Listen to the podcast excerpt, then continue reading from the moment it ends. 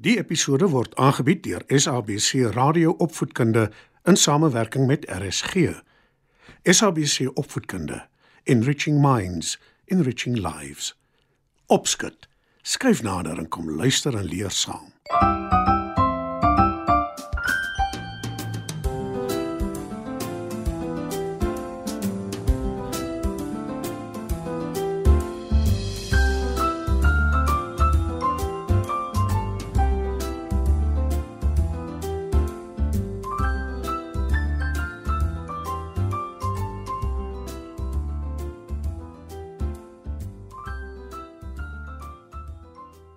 Goeienaand maats, welkom by Opskud.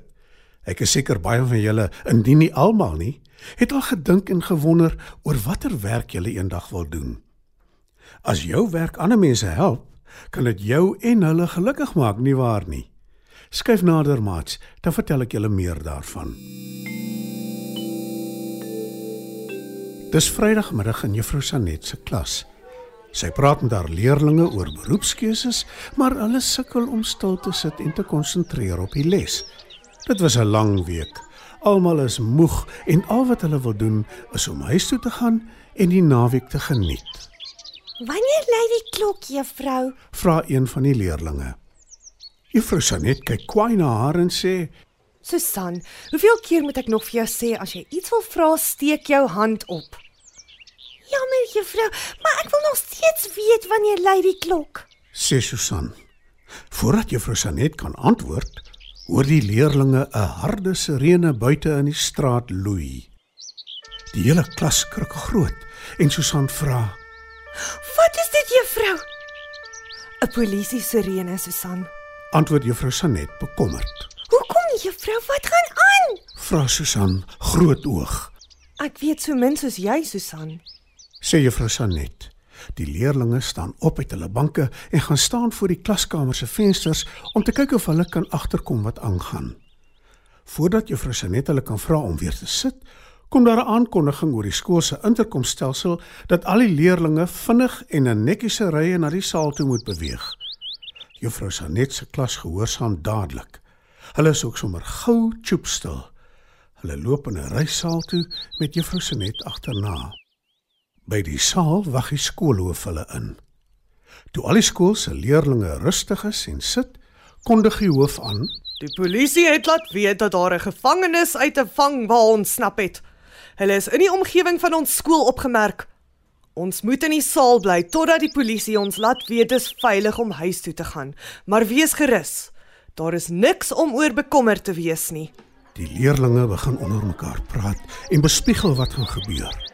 Die hoof laat hulle begaan, want hy weet hulle is net so bekommerd soos hy. Na ruk verskyn daar 'n polisiebeampte in die saal. Sy praat vinnig met die hoof en gaan weer uit. Die hoof glimlag verlig en kondig aan dat die situasie onder beheer is en die ontsnapte gevangenes almal weer agter tralies is waar hulle hoort. Ek weet dit is nog bietjie vroeg, maar julle kan almal huis toe gaan. Ek sal die busdiens en julle ouers laat weet. sê hy. Toe Susan se klasmaats terug is in hulle klaskamer, sê sy: Ek weet wat ek eendag wil word, juffrou. 'n Polisiebeampte. Juffrou Sanet glimlag en sê: Jy het beslis genoeg energie daarvoor. Op pad huis toe in die bus gesels al die maats oor die dag se gebeure. Hulle is dit eens dat dit min is dat daar soveel opwinding is by die skool. Skielik hoor die kinders in die bus die tweede sirene van die dag. Die bus trek van die pad af om 'n brandweerwa te laat verbygaan. Toe die wa verby is, ry die bus verder en hulle sien waarheen die brandweer op pad is. 'n Winkel op 'n hoek, 'n paar blokke van die skool af, is aan die brand. Die bus stop 'n hele end van die brand af en die kinders verkyk hulle aan die brandbestryders wat die brand blus en die mense uit die gebou red. Ek dink eerder as 'n polisiebeampte wil ek 'n brandbestryder word. Dis die beste werk ooit want jy red mense se lewens. sê Susan. Die ander leerdlinge stem saam met haar dat brandbestryders 'n belangrike diens lewer. Na ruk ry die bus verder en Susan klim voor haar huis af. Sy kan nie wag om vir mamma en ouma te vertel van haar dag nie. Toe sy in die huis kom, sien sy dadelik iets is verkeerd. Ouma lê uitgestrek op die rusbank en sy haal moeilik asem. Maar voordat Susan vir mamma kan vra wat verkeerd is, hoor sy nog 'n sirene. Is dit wat ek dink dit is, mamma? Vra Susan. Ja, Susan, soos jy kan sien, ouma voel glad nie lekker nie. Die ambulans gaan haar hospitaal toe vat om toetse te doen. Kan ek saamgaan, mamma? Wil Susan weet. Natuurlik, Susan. Ek weet hoe lief jy is vir ouma. Mamma en Susan ry agter die ambulans aan nadat die paramedici ouma daarin gelaai het. Dis die derde keer vandag dat ek 'n nooddiens sien, mamma. Eers die polisie, toe die brandweer en nou die ambulansdiens. Sê Susan. Dit gebeur nie dikwels nie, né? Antwoord mamma. Nee, beslis nie. En juffrou Sanet het juis vandag met ons gepraat oor wat ons eendag wil word. Sê Susan. Het dit jou laat besluit wat jy wil word? Vra mamma. Ja, mamma. Eers wou ek by die polisie aansluit, toe wou ek 'n brandbestryder word. Nou dink ek dalk 'n paramedikus. Sê Susan. Mamma glimlag en sê: Jy kan altyd 'n dokter word. Dis waar. Maar wat ek ook al besluit, solank dit iets is waar ek mense kan help. Antwoord Susan. Ek is trots op jou, Susan. Sê mamma. Toe hulle by die hospitaal aankom, word ouma dadelik na die ongevalle afdeling toe gevat. Die dokters ondersoek haar en doen toetse en gelukkig is daar niks ernstig met haar verkeerd nie. Die aand slaap Susan vas na haar opwindende dag en sy droom hoe sy lewens red.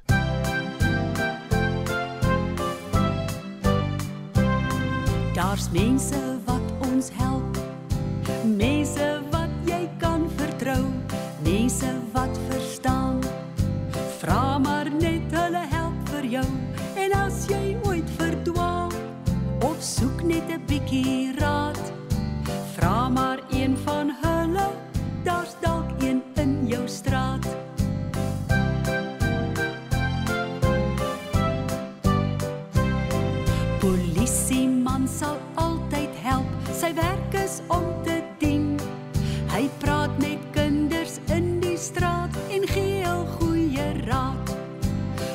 Brandweerman is net so gaaf, hulle help ook waar hulle kan.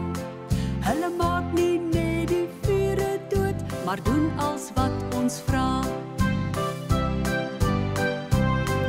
Die juffrou ken geheime, jy kan haar maar vertrou.